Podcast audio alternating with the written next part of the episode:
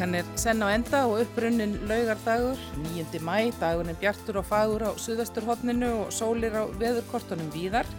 Eh, fréttir vikunar hafa líkt og síðustu mánuði á vikur mikið til snúist um kórunveru faraldurinn og afleðingar hans, hvort sem er hérna heima eða út í heimi. Það var slaka á takningum aðeins í upphæðu vikunar og sundferðir er í auksinn svona eftir rúmaviku.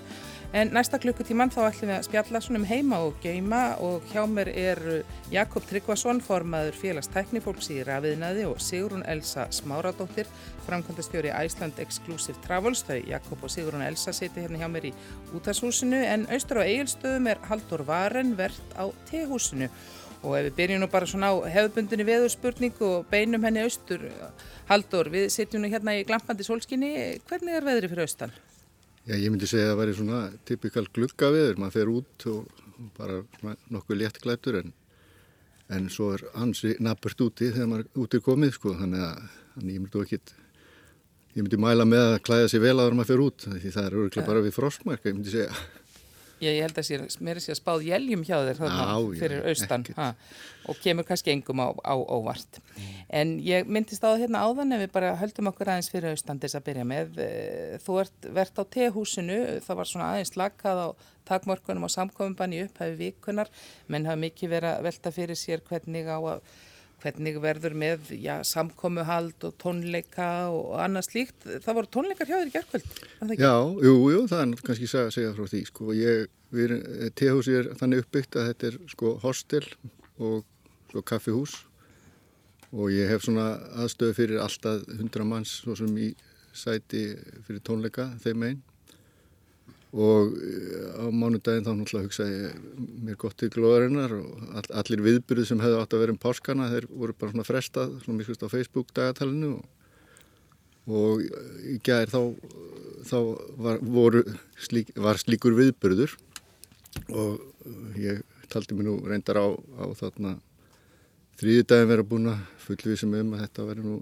allt í orden og fór eftir þeim eh, reglum sem maður fekk 14. mars um, um veitingahús og, og slíkt að ef það kemur fjölskylda þá mættu þau sitja saman við borð og tveir metrar á milli og, og, og, og slíkt. Þannig að, ég, þannig að ég þetta leit nú allt vel út þá sko.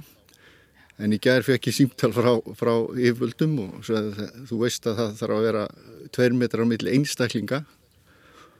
Og ég svo sem, svo sem þarna svo sem bara, bara snögt við ég og ég vildi lausna með það þannig að mér fannst það nú bara svolítið á vissan hatt komist tveim tímum fyrir gig og að þetta hétu tónleikar. Í raun hefði ég geta haft viðburði eða þeir hefðu verið að spila bara sem dinner tónlist þá hefði það sennilega hitt geta virkað sko.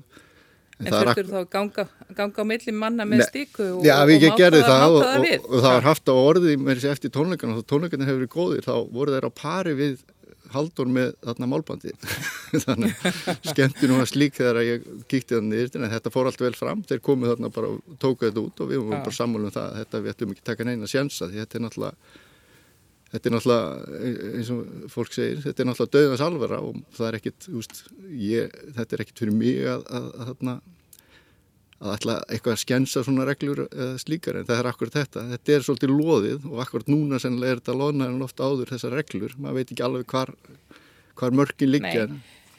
Menn voru nú eitthvað að funda í gær um það hvernig hægt verða að haga reiksýningum og tónleikum á næstinu og kannski kemur það svona fljótlega verður eitthvað skýrar og þetta vona maður bara líka að styttist í að þetta verði svona. En ennur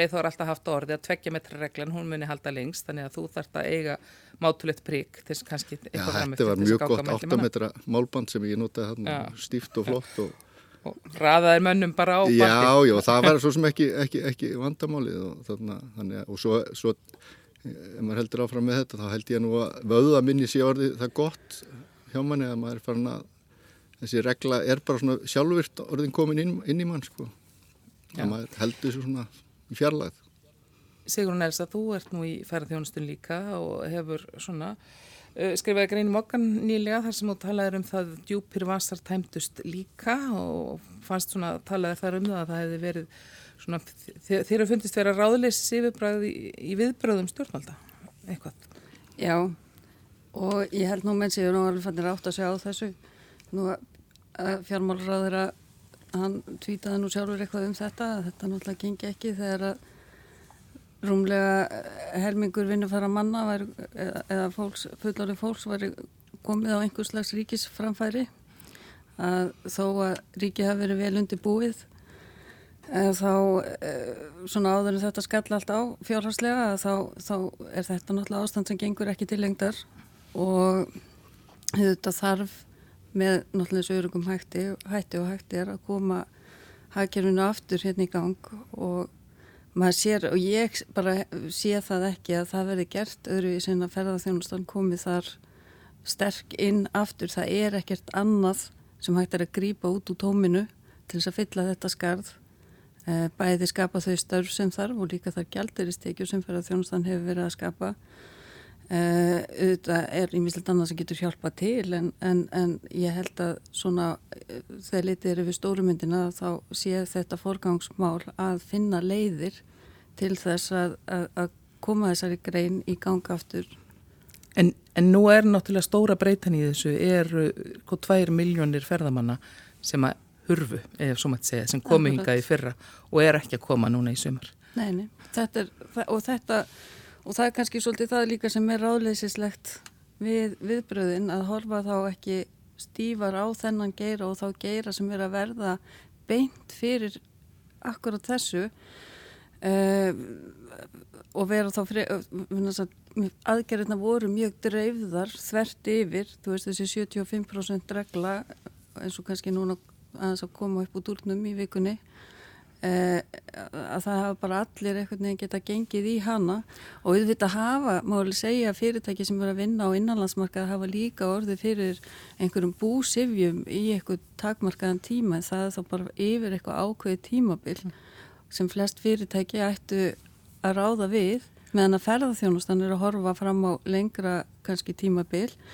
En er það mikilvæg atvinnugrein að, að maður hefði haldið að það hefði átt að, að fókusera fyrr og betur á hana bara til að tryggja að, að, hérna, að hún næði sér á stryk þegar það er að kemur og, og líka hafa hana með í ráðum um hvernig er svo æskilegast að byggja hana upp í framhaldinu og, og komin á staðinu. Þetta verður held ég ekki þannig að við séum núna með bara þessa 14 dagar sóttkví og svo bara einn daginn bara bang og þá hérna bara verið allt opnað og allir hrúast upp í næstu rútu og á næsta hlaðborð og saman í bláa lóni. Það verður, þetta, þetta verður eitthvað slags aðlögunar tími hlýtur að vera og hvernig hann er útvarður held ég að sé mjög mikilvægt mm. Eh, fyrir hvernig greinum að koma út úr svo endanum og bara... En hvað hefur þau vilja sjá þá frekar sko í aðgerðum sem að væri þá bara því að nú segja náttúrulega stjórnvöld alltaf við þurfum auðvitað að geta líka jafnræðis og það þarf að vera svona einhver, eitthvað jafnvægi milli, milli aðgerðana og hva, hvað hefði verið hægt að gera finnst þér núna eða sér þið eitthvað sem hefði mátt gera núna í þessum fyrstu viðbröðum sem hefði bara hefði gagnast ferðarþjónustunni betur? Já, já, ég minna við græðum kannski voru lítið á því að velta okkur upp úr því hvernig hefði verið hægt að gera Já, hverju er hægt að bæta við enn, kannski? Já, já, ég minna ég held ef, ef við lítum fyrst aftur tilbaka þá hefði bara fókusin mátt vera skýrari á þær aðgerðir sem þá voru. Og ég menna ef við horfum á ferðarþjónustuna þá er hún ekki einsleit grein, þetta er ekki allt eins fyrirtæki sem starfa í greininni. Þetta er kannski svona, má segja já, það má kannski segja þetta séu svona má kannski flokkan upp í svona fjórar típur af, af hérna sem þannig að starfa, ég menna þú ert með svona þessi smærri fyrirtæki sem er kannski græsrótin í ferðarþjónustu, frungföðla og þetta eru aðlar sem eru dreifður út um allt land eh, og hafa haft þar gíf, bara gríðal, gríðalegu hlutverki að gegna bara hvað var það byggðarþróun og annað.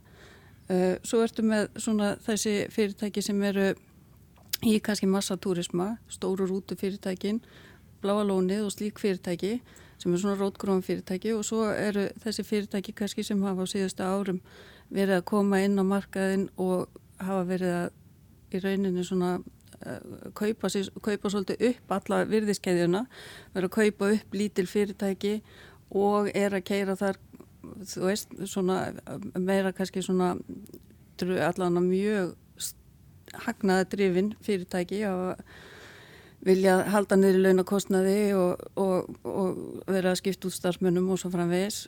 Og þetta er kannski svona, ég veit ekki hvort það er þessi fyrirtæki sem er að íta undir þetta talum græðkísvæðingu í ferðarþjónustu eða, eða hvað.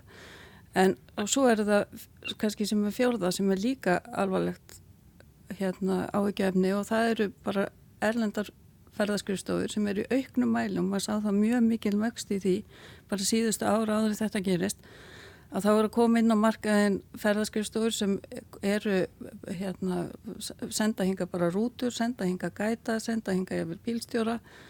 Og þetta fólk er ekki að vinna á tökstum sem gilda á íslensku markaði endilega.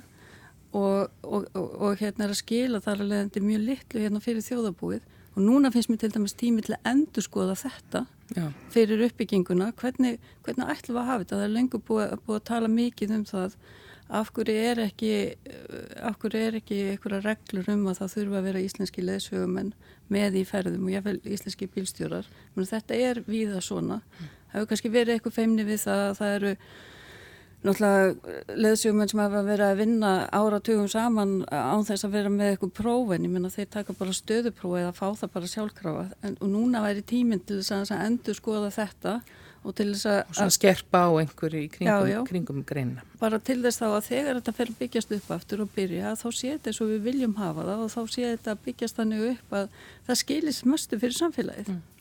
Jakob, eh, þú ert talsmaður fólk sem heitir tæknifólk í rafiðinaði en þetta er stór hluti þessa fólk sem hefur verið að vinna í sambandi við í kveikmyndaðinaðin sem að hefur, er, ég er ekkert að líka því kannski umfangi við ferðjónustunni, þetta er samt, þetta er honum fjölmengrein sem að bara hún þurkaðist líka út nánast.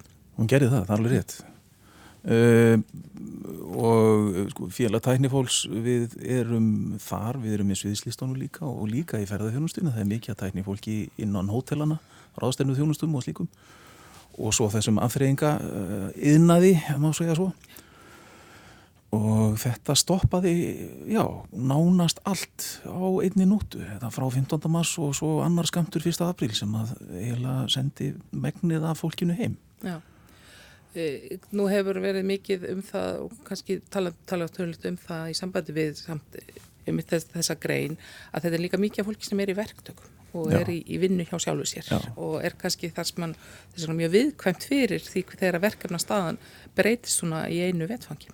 Klálega og eins og Sýrún er að segja um kapvart leðsögumönnum og öðrum að þetta er svipaður hópur og svipað útsettur fyrir þessu ídla varin runni af, af kerfinu og af okkur og þetta held ég sé klárlega tækifæri til þess að taka þess utanum það þetta eru sko, allt fól, eins og ég hef einhvern veginn hugsað þetta og við höfum aðeins verið að reyna að byrja að beita okkur í þessu við höfum lengi verið að skoða málið en það kannski komið svona farvegur núna til þess að draga þetta svolítið fram í sviðsljósi en þetta er allt frá fólki sem er að berjast í því að vera einhvers konar lausráningar samband, tímalöuna fólk sem er einhver síður með launaseðil og einhvers konar ráningarsamband en ídla varðið reglum að því að íslensku reglunar taka miklu betur utanum þá sem eru með sko fast starf, hvort sem er fullt starf eða hlutastarf og alveg af þeim sem eru í fullum rekstri allt þar á milli, hvort sem voruð að gera upp sjálfur sem eh, einirki og eigin kennitölu eh, og eða einhvers konar blandaðri blönduðum störfum og að tiltöla mikið af því að Íslendingar sé að vinna hluta til þarna og svo sem sjálfstæðstarfandi í öðru starfi og slíku og við einhvern veginn tökum ekki nú á þennan hópu. Ég held að þetta sé hópur sem við höfum að skoða sem eina heilt.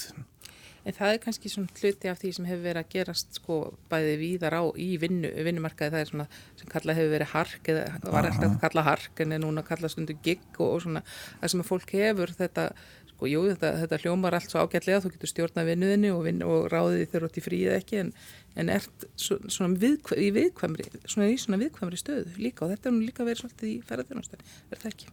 Jú, jú, ég hugsa þetta er svona eigi við um flestar greinar meðan þar er að byggjast upp. Að þegar þú ert, þegar þú ert með stólan hluta kannski að fyrirtækjum sem er með mjög tímabundin verkefni og, og hlutinir eru verkefnabundnir að þá, og, og eins og ferðarþjónustan allavega var og líka ástíðabundin að þá er þetta held ég svona viðlóðandi en ég held að þetta sé til dæmis eitthvað sem að svona þroskist líka af greinum og ég held að, að svona núlstilling kannski einhver að sé bara tækifæri til þess að, að skoða svona ákveðna hluti, hvernig við viljum hafa það og auðvitað er, þarf að vera ákveðin sveialegi en, en hann þarf, og hann þarf að vera á, á hérna í allar áttin en svo eru, svo eru líka þú veist, það er kannski alveg skiljanlegt að fyrirtæki sem eru kannski með fasta starfsmenn einhverja 2-10 séu líka með lausrona starfsmenn en fyrirtæki sem eru kannski á þeirri starra gráðu að vera með einhverja einhverja hundra manns eða, eða, eða fleiri tugi starfsmanna að, að það ætti ekkert endilega að vera sjálfgefa að þau væru með mjög mikið af lausrafni fólki Haldur, við byrjum nú svona til til að jákaðum nótum hjá þér hann fyrir austan með velhefnaða tónleika. Hvernig hefur samt sko gengið og hva, hvernig, hvað sér þú framundan hjá þér í, í þínum rekstri? Já, þannig sem segi, ég er svo heppin að hafa hennan blanda rekstur. Ég minna það náttúrulega straujaðist alveg út gistingin eða þannig og, og sé svo smekkilt fyrir, jú, það er eitthvað inn í júli og ágúst og svo framvegs það sem ég veit í kringum mig eins og félaga mínu sem eru með hótel hérna og slíkt þeir hafa verið að halda í þetta einmitt með matinn og, og ein, ein og ein hvað segja, gistinginni þetta er náttúrulega ekki, þetta lítur nú ekki vel út og, og, og það sem að ég er, að hugsa núna bara að sjá hvernig þessi mæ munu verða. Ég er með þrjá starfsmenn, fasta starfsmenn pluss mig og við nýttum okkur þessa 25% leið en en apríl þá, þá hafði ég ekki eins og nefnu á, eða þannig séð að reksturinn barir en ekki einu sinni þessi 25%.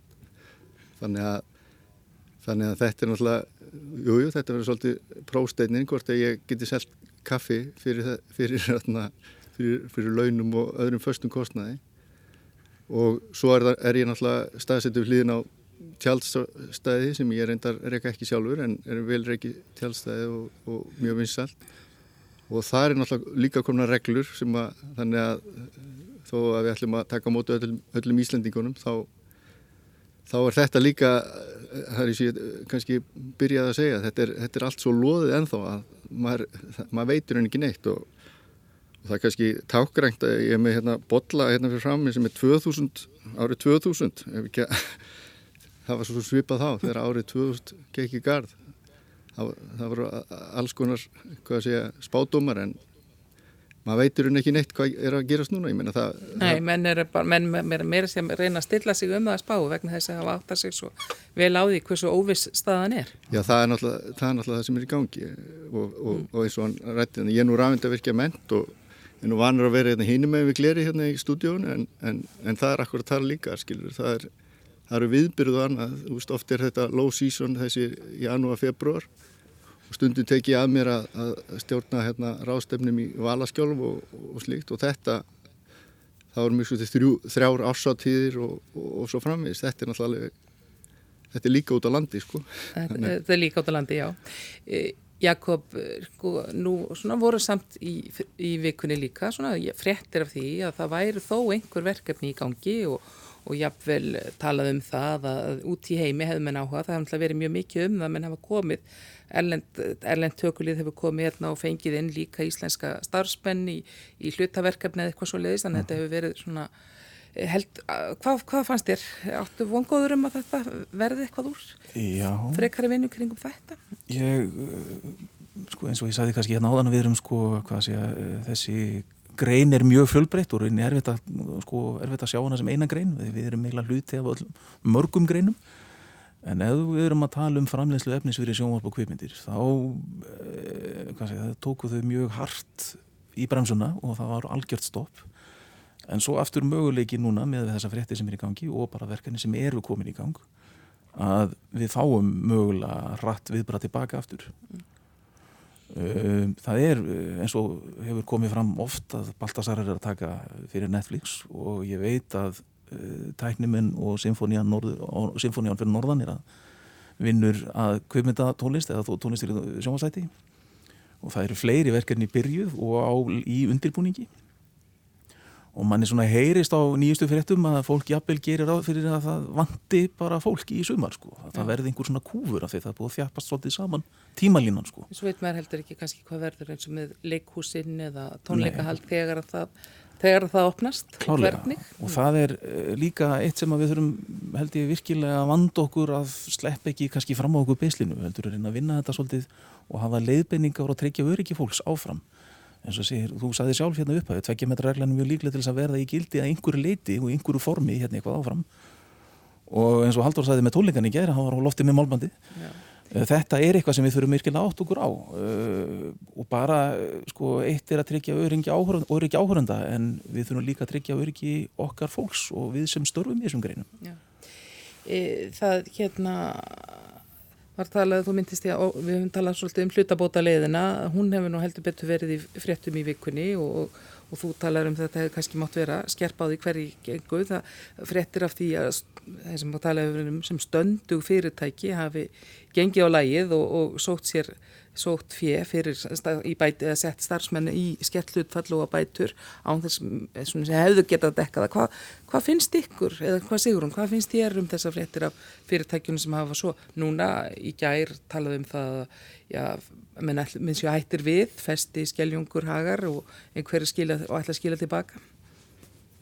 Já, þetta er náttúrulega bara sorglegt þannig laga séðan, þú veist, ég menna menn náttúrulega já, það, þegar það er eitthvað sem er opið og það kannski, ég veit ekki, það kannski bara eðli fyrirtæki á markaði sem er að reyna að græða að, að, að hérna að, að nýta allar mögulega leiðir, ég menna menn eru vanir að nýta allar skattalega leiðir sem þeir geta og svo framvegis og ég menna ég er ekki að segja þetta sé eðlilegt en þetta er náttúrulega eitthvað sem stjórnveld ættalvað hafa geta séð fyrir og ættalvað hafa geta fyrirbyrt með svona kannski nýttmiðaðri aðgerðum Um, og sumuleiti er þetta kannski svona það er kannski kjánald að segja það en kannski svona ákveðin léttir fyrir okkur sem störfum í ferðarþjónustu þá er að vera að beina spjótonum að, að græðginni þarna fyrir ekkar heldur en manni var að fara að ofbjóða hvernig tala var til ferðarþjónustunar uh, þegar að hérna um tíma uh, ef einhver vildi hérna mæla henni bót eða tala fyrir henni eða þá fylltist, fylltist kommentarkerfi af fólki sem talaði um, um græðki og, og, og, þetta hlaut að fara svona og þetta bara svona líkuði þetta er ykkur að kenna um, og við höfum stundum grínast með það hjónin sko þetta er svolítið upplifum þetta svolítið eins og svona hluti þjóðarinnar hafi litið á svona þetta sem hálfgeist hernáms ástand mm. þegar ferðamenni voru hérna og yfir tóku bara landið og nú er hernáminu lokið og við erum svolítið svona eins og svo konurnar sem voru að gera okkur dælt við dátana sko þú veist það þetta er svona bara við kynum bara skammast okkar Haldur, hefur þú upplifað það að það hafa verið hort til þín eins og það hafa verið í ástandinu?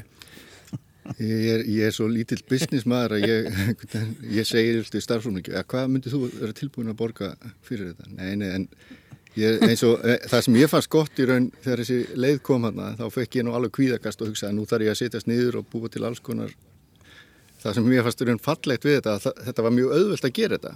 Og það var bara höfða til skinnseminar og þú værir að gera þetta á góðum hug.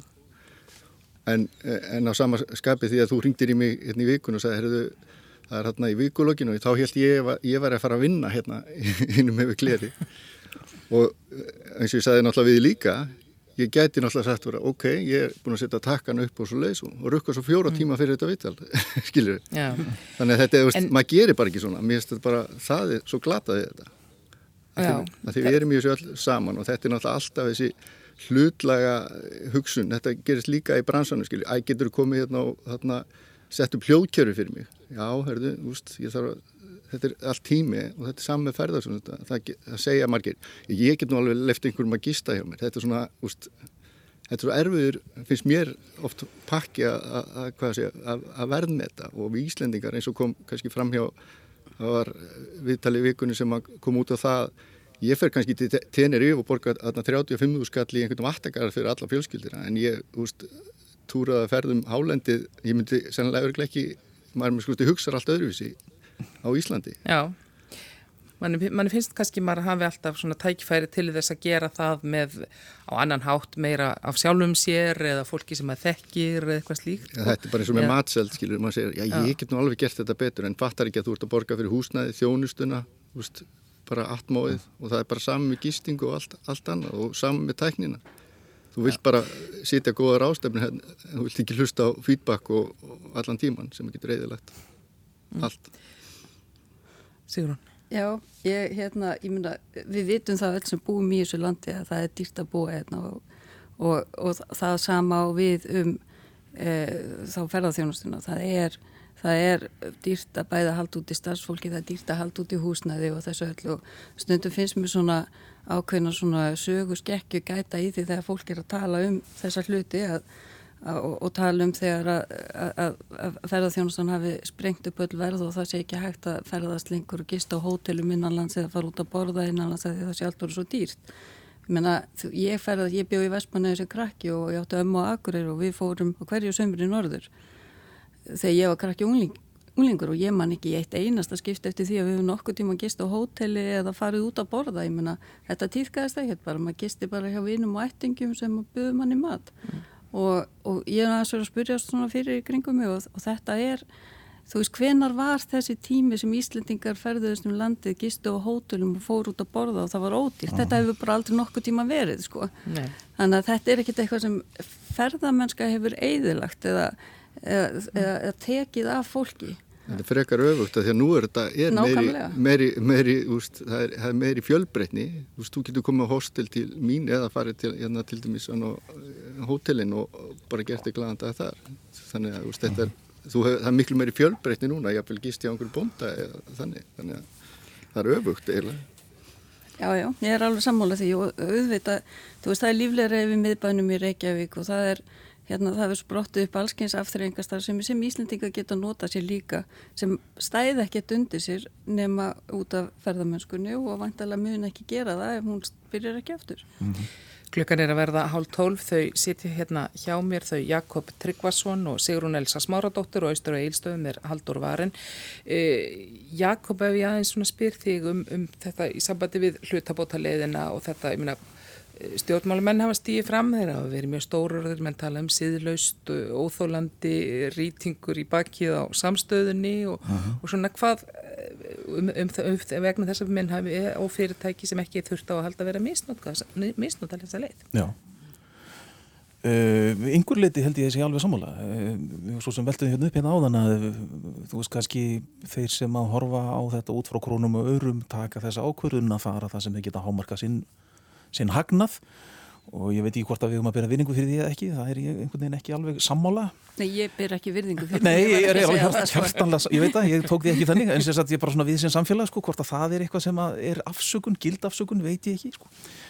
Uh, ég held að uh, eins og við höfum all talað hér og hefur verið talað og uh, þessi, þetta er samfélagslegt verkefni, bæði þetta ástand núna og svo augum við og þessi stærri fyrirtæki held ég þurfa meira og meira að segja á sínu samfélagslega hlutverki. Ekki engungu að hámarka hagnað sína eh, hluthafa heldur mögulega að hámarka allra hag hafa að öllum eh, og það sé og ímins fræði til um það að það skili eh, til langstíma með betri niðurstöðu fyrir allra. Mm. E, svo hefur nú verið að tala líka um þetta í sambandi við ekki bara hlutabótaleðina, það voru líka umræði vikunni um, um starfslokasamninga við mm -hmm. forstjóra stóra fyrirtækja mm -hmm. sem að eins og Haga og Bónus sem að Klálega. mörgum blöskur, blöskuruðu þær tölur sem þar var, voru nefndar. E, einn ángjaf því er það að meðal eiganda þess að þetta er ekki bara einhver einn eigandi út í bæ sem að fytnar og dafnar þó hann sé kannski þarna einhverstað líka stóri eigandin en það eru lífyrsjóðunir í landinu sem að eiga í mörgum af þessum fyrirtækjum. Já, já. og þú ert í, í stjórn eins lífyrsjós Sitt í stjórn Byrtu lífyrsjós, það er alveg rétt. Við erum hand okkar félagana mm. uh, klárlega. Og þetta er náttúrulega kannski þetta nýja landslag sem verður. Að einhver liti verða lífyrsjóðir frá því að vera tiltöla mikil minnuluta eigendur en eiga í hansi mörgu. Ég er að vera tiltöla stórir eigendur.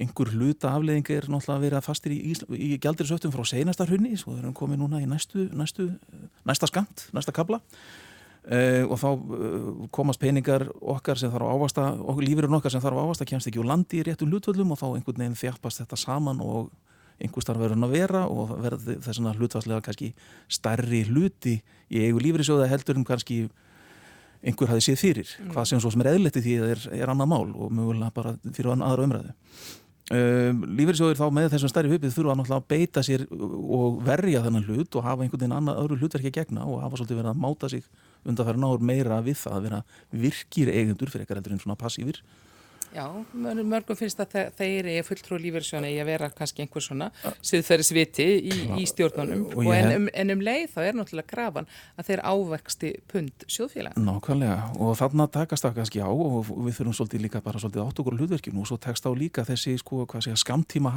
hagsmunir annara eigenda, sumra annara eigenda sko. Og þetta er einhvers konar, þetta er samtal sem er ekki búið. Já. Ég veit að lífeyrisöður beita sér með virkum hætti og eru virkir á aðalfundum félagan og gera aðdóðsendir. En hversu mikið er hægt að beita sér út í samfélaginu og láta vita því, það mætti alveg vera meira og finna rétt að tóninu og rétt að farveginu og hvað má líka.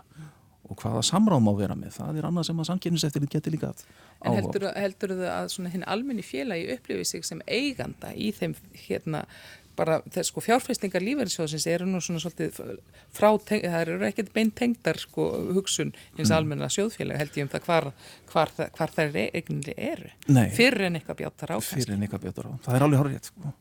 svo sem lífeyrinsjóður líka eru í eðli sínu einhver skonar uh, fyrirbæri sem hugsar til langs tíma. Uh, allar ákvarnir byggja á einhver framreyningi til 20, 30, 40 ára sko þannig að sko þessi skamtíma umræða verður stundum svolítið svona þungi vöfum í lífi hjá, hjá kerfinu. En einhvað síður er þetta eitthvað sem að eh, ég held að smyrjist og við erum að átt okkur betur og betur á hvernig við höfum. Gafkast því að hvort að en almenni fjóðfélagi upplifir sér sem eiganda ég held að þeir sem að skoða sjóðina virkilega velta fyrir sér held ég upplifir sér alveg sem sko þáttakendur í kerfinu en að þeir séu eigendur í einhverjum fyrirtækjum Stórhefa ég um og svo veit ég að þessi hluti þá er ég að tala um þennan upplýsta hlutana, hluta mm.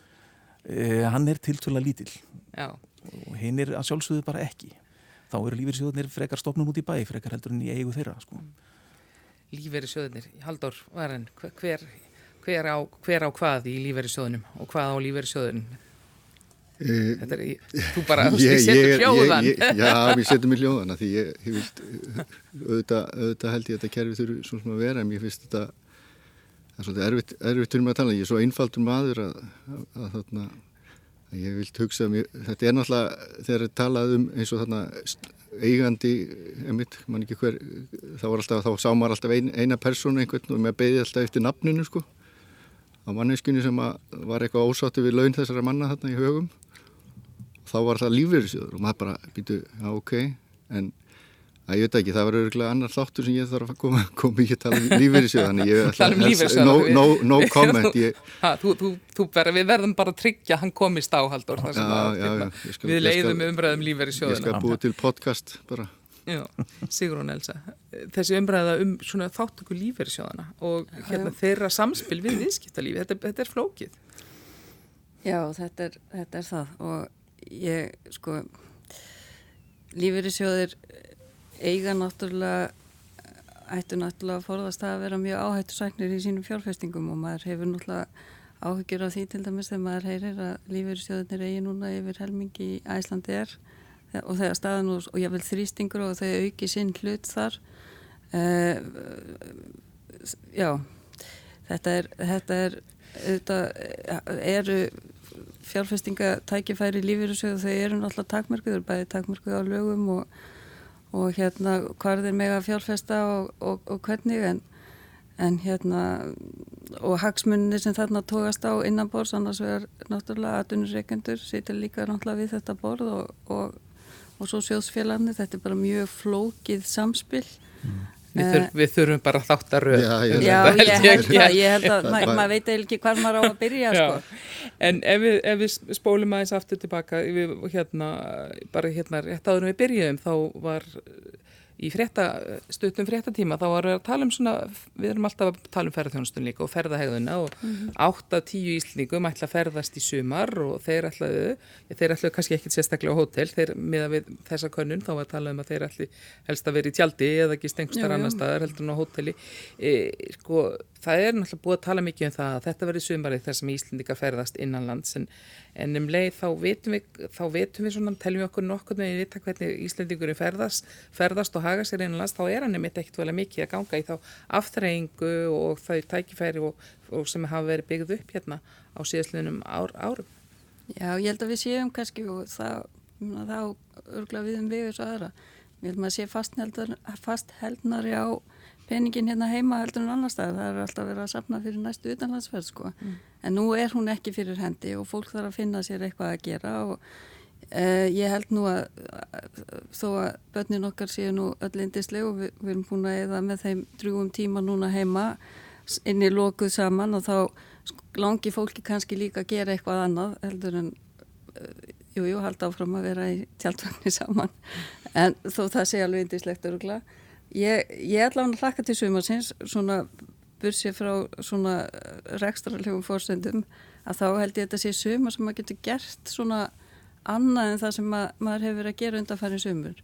Ég menna það er við þetta eins og aðrir höfum verið að setja saman svona ferð fyrir Íslendinga það sem við ætlum að reyna að fara ótróðna slóðir þar sem fólk fer ekki sjálft svona eins og gullfoss og geysið eitthvað þannig heldur bara alveg eh, nýjar leiðir og, og hérna þetta er eitthvað sem maður fær sjaldan tækifæri til að gera með túristum. Þetta er svona sem maður gerir meira sér til gamans.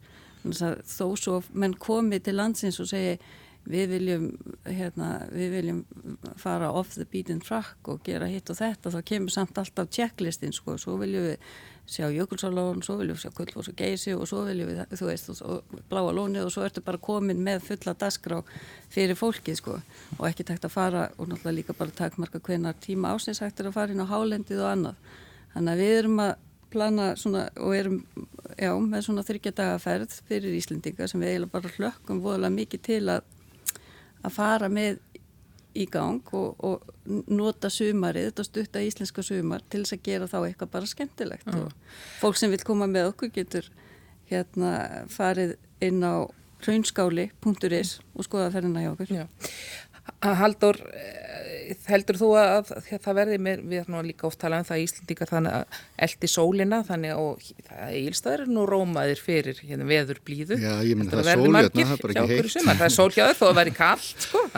Jú, jú, við erum einstaklega heppin með, með þetta að, að, að, að viðsaldin er mikil og það er mjög gaman reyndar emitt það sem við náttúrulega Austurlandi höfum kannski, við höfum náttúrulega alltaf verið svona svolítið lægst í nýtingu öðru á vestfjörðum og kannski er, er kúfurinn okkar ekkit eins mikil á vissan hátt. Og ég menna og hérna er heil mikið, ég menna við erum komið með okkar gullfossina stuðlagil. Og Já. allt hálendið er fróman og ef þú ert til dæmis staðsett hérna bara miðjavegur hérna á Egilstöðum sem er svona, þú getur verið heila, heila viku hérna, borðað alltaf á síkkurum veitingarstannum og þá er ég ekki að tala um keðjurnar. Farið nýra á fyrirti, Norrfjörð, Seðisfjörð þetta er allt hérna innan innan klukkutímans jáfnveil farið upp á Hálendi, vatníjökustjókar hérna bara rétt við hliðina, inn í Fljórstal, Hengifoss ég held að við séum svolítið sko þessi, þessi margir eiga eftir að kanna ásand til dæmis vestfjörn sem er svona lengri í burtu. Þú, þannig að þú ert vongóður um að sumarið verði svona innlenda sumar Já, verði, ég verði sko, ég, það er það ég kannski, ég, ég er svolítið verkviðin þannig að mér finnst alltaf smá stress að vita að það er, þóttu sér ljótt að segja maður er alltaf ekki segja því þessum aðstæðum en, en þarna þetta verður held ég bara á vissan nátt notalegt og eins og hún segir þarna, þó að maður reynir að bæja frá sér þessum rekstarlega áhyggjum sem er búið að fresta mörgum fram á hausti hvort þið er að þá held ég þetta getur orðið skemmtilegt og, og hvað við segja lærdomsríkt raun sumar og, og, og einhver, einhver talaði um að ef að verður opnað hérna innan, Norðurlanda, innan Norðurlandana þá verður þetta svona 1990 sko þannig að við kannski spólum okkur aðeins tilbaka Jakob Þannig að þú ert svona tiltölu af vongóðu Já, já, já, það er allir, allir sko tónlistin er allir búin að koma okkur í gegnum þetta andlega, myndi ég segja og, og nú, nú er komið að því að það býða allir spendir í, í starttólunum og ætla að halda tónleika hér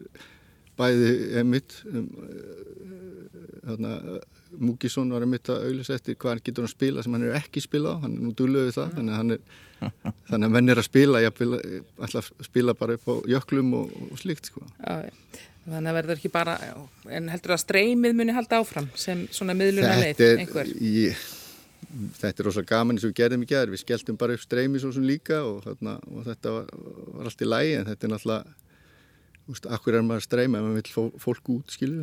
Það, kannski, það verður, sko, Íslendingar eru nú heilmikla sofakartaflur, sko. Þannig að það verður kannski svolítið erfitt að koma þeim út aftur.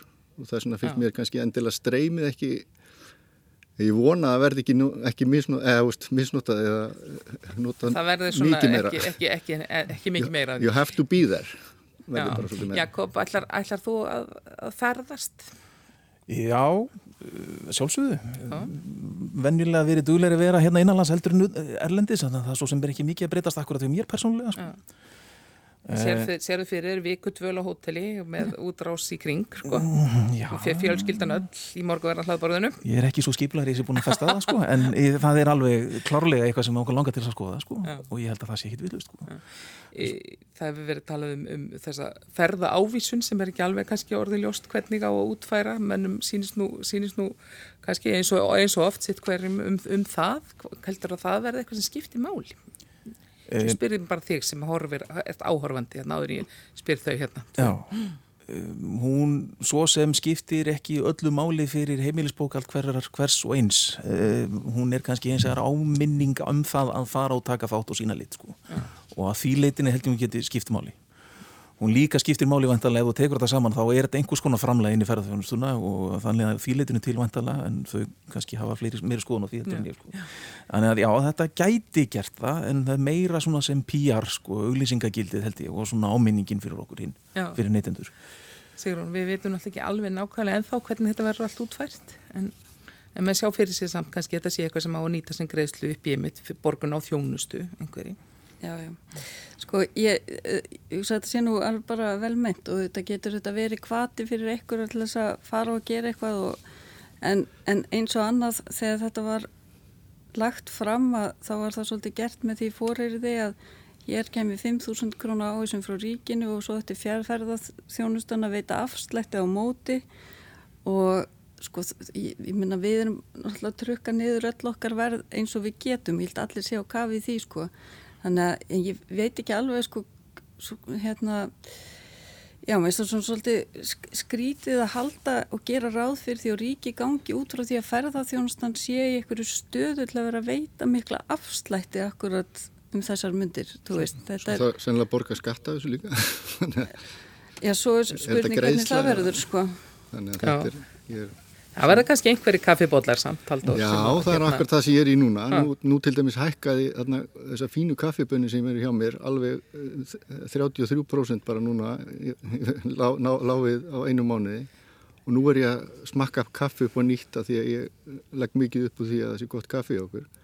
Að það er náttúrulega líka það. Það er náttúrulega það sem við erum að kaupa er dæmis kaffi sem að mörgu þykir nú dýr bollin sko að, að við, erum, við erum núna að lendi því að það er náttúrulega innkaupir að hækka líka. Þannig að, þannig að þetta er svolítið og ég segi náttúrulega að þetta, við erum með hagkerfi sem er bara, við erum bara með loka hagkerfi. Og ég meina þó ríki segi við erum búin að henda þessum miljardum í þetta og þetta og þetta. Ég meina þeir taka alltaf púlíunum tilbaka því þetta fer alltaf út aftur það, svo eru borgaði skattar og, og, og, og slíkt að öllu þessum hlutum. Þannig að, þannig að þeir geta alltaf Þetta er svona fyrir inn í einhverja Þeir taka alltaf hringrás, kannski. það er spurning hvort 5.000 kallin sé með að verið söka sko.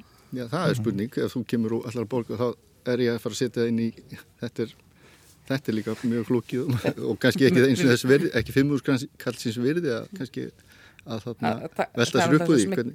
En, en það er eiginlegt ennþá alveg ljóst hvernig þetta verður eða hvað Nei, það er, það, það er náttúrulega bara mar mjög margt sem er ennþá óljóst. Og það gerir þetta líka allt mjög erfitt fyrir þessa grein og bara flesta örgla og kannski ekki síst ferðarþjónustuna að vita ekki, ég meina Þið, við, höfum talað einnig svolítið um þess að tvekja metrarreglu. Hún skiptir líka máli í ferðarþjónustunni. Þú veist hvernig þú nýtir hluti, hvað þú getur gert, í hvað, bí, hvað bíla þú getur notað og svo framvegis. Ég meina, mér skildist nú samt á sótvarnalækni að, þó hafi verið talað um að menn ætti að líta til þessar uh, tvekja metrarreglu út ári að þá væri samt sem áður, væri það svona meira personubundið að menn svona hu- huguð að því að þess að væri skilda eða reglur Uh, eða það yrði þannig endilega út árið sko að, að, að núna næstu þetta léttist að þá væri, væri þetta meira svona það eitthvað sem menn hugsi og menn sem kannski er í áhættuhópum og svo framvegis.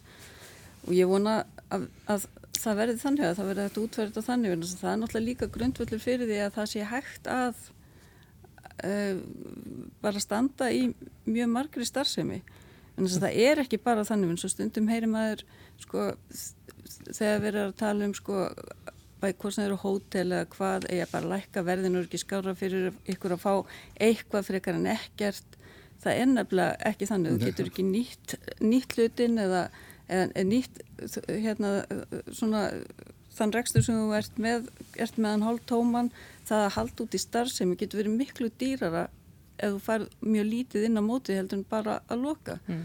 og þetta er, þú veist, þetta er bara staðrönd. Það er náttúrulega Já, svo er það náttúrulega líka, já, svo er það náttúrulega líka einmitt þessi 25% leið og það dæmi, það er sem svo núna að hugsa, ok, í júni ég tek valla sénsinn að hafa meiri opnunatíma, ég, ég þóriði ég líki og það er raun, finnst mér líka eh, þarna þegar við erum að tala um listamannalaun og vaffes þetta og svo framvegis, atvinninsbætur og slíkt, þá kom Svavaknúti með ágætis punkt að allims listamannalaun eru, eru þannig að þú þarfst að sanna að þú sérst að vinna og meðan atvinninsbætur og svona hlutabótaleið er, er þannig að þú ert að sanna að þú sért ekki að vinna. Ég myndi alveg vilja sjá að einhvern veginn, en kannski myndi það þarf náttúrulega að hugsa að, að, að maður fengi, maður geti kannski sett fólki í 50% vinnu en ekki kannski þurfa að, veist, sjálfur að maður fengi rík, ríkið á mótið sér með, með það. Því að maður líka kannski að taka sjans á því að hafa meiri opnunutíma eða slíkt sem maður veit ekkit hvort að skila sér ekki og þá er maður ennþá meiri já, hvað sé að djúpun skýt ef að, ef að þarna, ef maður tegur sénsinn sko. Já, klálega. Jakob.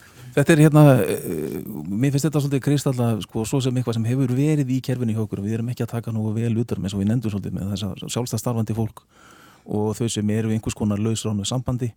Það er einhvern veginn engin, sko, hvaðin er annarkort ræður fólkið eða þú ert með þá sem einhvers konar einirkja en einhvern veginn nær kerfið ekki alveg með utan þessa þessa fjölbreyttu starfsemi og fólk sem er jafnvel með mjög sko, samsetta vinnu.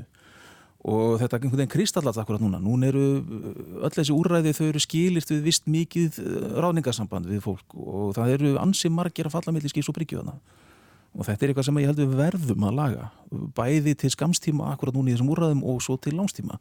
Og taka betur utanum alltaf þessa fólk allt þetta fólk og alla sporotastarðsemi og alla, alla litlu einirkjana og alla litlu, litlu aturinn Sigur Já, það er kannski eitt sem við hefum samt svona, ég menna það náttúrulega hafa orðið í síðustu viku náttúrulega mjög gleðileg tíðindi af veirunni sjálfri og, og hvernig náðast hefur svona veriðst vera að ná böndum á henni hér allavega Já, fjóri dagar af fimm núna í vikunni. Sem er náttúrulega bara alveg frábær árangur og, og, mm. og ég held svona þegar upp er staðið og til lengri tíma litið þá er það náttúrulega þessi árangur sem mun hjálpa ferðarþjónustunni og kvikmyndaðinanum og, og, og fleiri þáttum hvað mest að, til að auka tiltrú á landinu og ég held að sé svona uh, rétt að ég þá sem maður getur velt sér upp úr hérna að, að þá, að þá þau sem bara komið það fram að vera mjög þakkláttur fyrir það. Og, og þetta er náttúrulega eitthvað sem að mena, hinga til hefur hafa ferðarmenn sótt til Íslands náttúrulega náttúrulega fegur annan en það er líka öryggi. Það er, það er, þetta er örugt samfélag tiltörulega með tilliti til glæpa og stríðsátaka og slíks og nú bætist þetta bara við og það er náttúrulega gríðarlega jákvæmt og ég held að það sé eitthvað sem hægt er að vinna mjög vel með og ég treysti að verði, verði gert og trátt fyrir allt sko ég menna um, ef að fer að byrta til hægt og sígandi núna og minna auðvitað eru kvikmyndaverkefni líka, þau hafa líka áhrif á ferðarþjónustuna mm -hmm. Uh, Netflix tilkynnti að þeir ætlu hvort sem það var þessari eða síðustu viku á okkur tveir staðir í heiminu sem þeir myndu halda áfram starfsemi og annar þeirra var hér.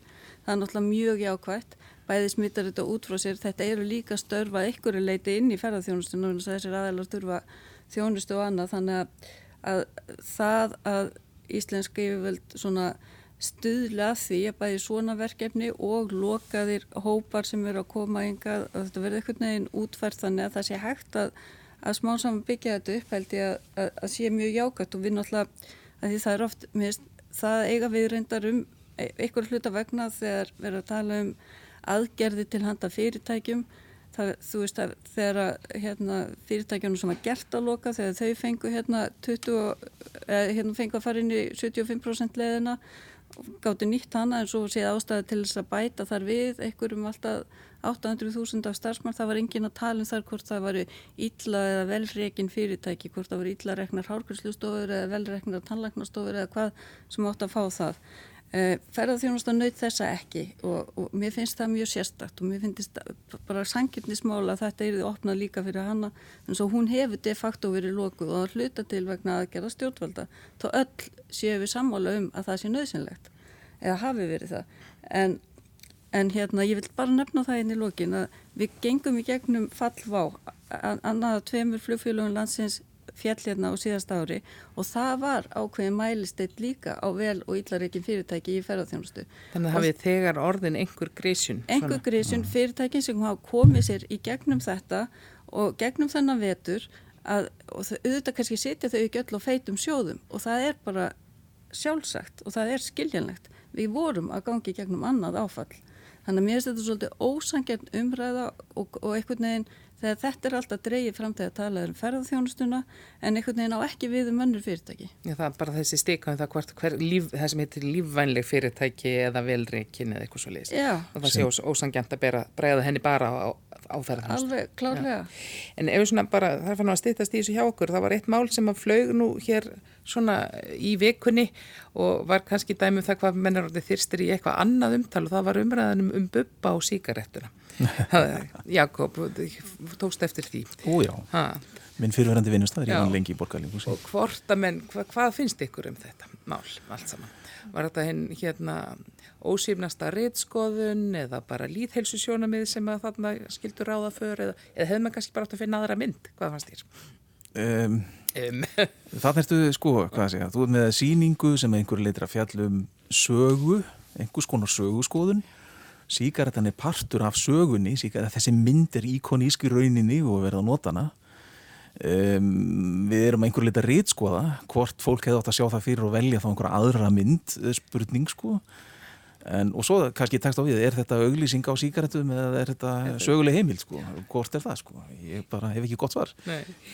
Haldur, eða tókstu eftir umræðinum um, um, um Já, ég, ég, þarna, ég á mér sér nælu með þessari mynd svarkvita nælu Bubba Mortens mm -hmm. með síkjörðuna mér finnst eins og segi ég reyndar leiði sá þetta fyrst þegar það voru auðvitað síningunum þá hugsaði ég reynda þannig já, það er einhverju sem að munu setja út af þetta. Mér finnst þetta er ekki þetta er bara hluti af ætlum að rýtsti af fortíðinni sem er þá liðin. Mér finnst þetta svolítið, svolítið svoleiðis, svoleiðis pakki og, og jújú jú, en, en já, ég meina svipaði eins og félag meina þetta fyrir sunnan. Ég bara hef svo mikið skoðan þessu. Ég er svo líka glad, mér finnst þetta ekki skipta máli en ekki, ekki sem slikt sko. Nei, það voru margir Það er nú kannski ekkit endilega þótt að sé margir yngri kynnslóðin sem fylgist með Bubba það er kannski, er kannski ekki hann er kannski ekki ædolið þeirra akkurat núna sko. Já, hvað fannst þér Sigrun? Sko ég verð nú viðkynni, ég setti mig ekki alveg inn í þetta. Ég, ég sá myndina og ég sá, ég held þetta snýrist um eitthvað sko, eitthvað, eitthvað, eitthvað, eitthvað rittstuld eða eitthvað svoleiði sko. Mm. Ég, ég áttaði mig, ég fattaði ekki, pældi ekki eins og því að væri síkaretaðana. Mm. Þú veist, ég, já, þannig að ég er ekki með mjög, en auðvitað skilja það, ég menna líð þessu sjónamið eru mikilvæg og allt það en ég menna. En kannski er þetta bara, bara alveg einstaklega velhefnað hérna auglýsinga, auglýsinga brella líka, Svo kannski sáum henni þetta fyrir og, og, og fær ennþá meiri umfjöldunum síning sem reyndar er ekki í gangi. Þetta, þetta er alltaf þetta með gráu svæðin líka, sko. þetta er svona grátt svæði veist, og þetta er sama með mitt samkumbani, þetta var mjög auðvelt á meðan þetta var bara hér og nú, svo núna fjórða, þá breytist hlutinir og nú talaðum við einhverjum tvekja með þetta reglu sem að Úst, sennilega verður en þú þarf bara að passa þig sjálfur og svo framvegist ef þú ætlar að fara tónleika ég menna Asjúbúr hafa alltaf gert þetta í mörg ára ef annarkort, þeir eru þá bara með grímur. Mm. skiluðu ef þú, ert, ef þú ætlar að fara tónleika einhverstor og þú tristir annarkort ekki öðrum og þú sittir við hliðan þá bara þig í, í gallan skiluðu, myndi ég segja með haustum maður sér reyndar stökusinu fólk minnst ekki algengt, ég fór út í búð bara í gær og þá sá ég nokk bara örfáa með grímu í búðinni. Haldið að það sé eitthvað sem að verði, ég einhvern veginn ámaður síður vonaði, kannski. Já, það verður ekki sant, við höfum einhver tolerans fyrir því ef það er einhverju sem vilja það, já það verður og það bara, við erum besta mál, en fólk þarf þess og þá er það bara þannig. Já. En ég get ekki séð fyrir þetta verði almennt einhvern veginn svona. Ég veist að þegar við förum að sjá túrista þá er það kannski meira að þeir verði með grímur. Nákvæmlega. Ég, ég hérna, já. Kannski meiri, meiri tolerans fyrir búrkum núna heldur en áður. Ég verði að viðkynna mínar áhyggjur eru meira í hinóttina. Þegar nú erum við að byrja og við erum svolítið svona uh, að sleppa út úr fjósinu á vorin sko. Já, þetta er Getum náttúrulega, þú, vilt, þú vilt ekki taka sénsin, þetta er eins og í gæðir, því ég hugsaði þetta, fyrst náttúrulega fór ég svona bremsu og hugsaði bara, ætla er virkilega, veist, er eitthvað séns á þessu, en svo fór ég náttúrulega bara, þú veist, fer maður að hugsa, þetta er bara, þú verður bara, ég vil ekki vera tehúsin sem allir smitust í, skilju. Nei, en einhverju síðu þá veit maður um að það er fólk sem byrjar og það byrjar bara aftur og þá dettur svolítið í svona gamla gýrin og þeir allir eru svangir og það er pöntu pizza og allir fara með puttan í pizzukassan Algjörlega. og það er bara eins og það er sko. Ég, var, ég, ég er enda að vera að segja það í gær. Í gær var ég með svona smá COVID-hotna því það var 25% þeirra sem hafa smitast á Íslandi. Þeir, þeir voru á tónleikunum og þeir fengu bara sér hotn. Já, þeir fengur sérhatt. Þeir eru komin alltaf löngu komin úr sótkví en þeir, Lörgum fór Það er Já. 25% það voru tveir. Já, það er eiginlega komið að lokum hérna hjá okkur í vikulokkunum, bara svona eitt orða að lokum. Ég held að vera í vöna að rauka fólk um hvað ætlar að gera það sem eftir lífi dags, Halldór, bara í einni setningu. Já, hvað einni við? setningu. Nú ætlum ég að fara Já. bara beint yfir í tegus og taka vaktina til klukkan fjögur, svo er þarna barnabatni mitt í heimsókn og, og hérna, dótti mín, ég á eina svona fimm ára og, og barnabatni í fjögur ára, þannig að ég þurfi ekki að hafa óvana fyrir þeim, eitthvað fram Svo fer ég á skemmta Þórsöfn á börnunum. morgun, þannig að ég vona að vera ekki mikið í el. Já. Jakob, Uh, fjölskyldan fær og við verðum eitthvað aðeins saman en uh, einhver partur af deginu þarf að fara í að svara félagsmönnum sem eru bara í því að sækjum atvinninsubætur og við erum bara að þjónusta okkar félagsmenn og það tegist yfir helgarna líka. Sigrun Elsa. Já, ég ætla upp í kvítasíðu í raun, raunskálanum okkar og við erum að undirbúa bara þar sumarið og hlökkum bara til að taka á móti sem flestum víslendingum þar í sumar.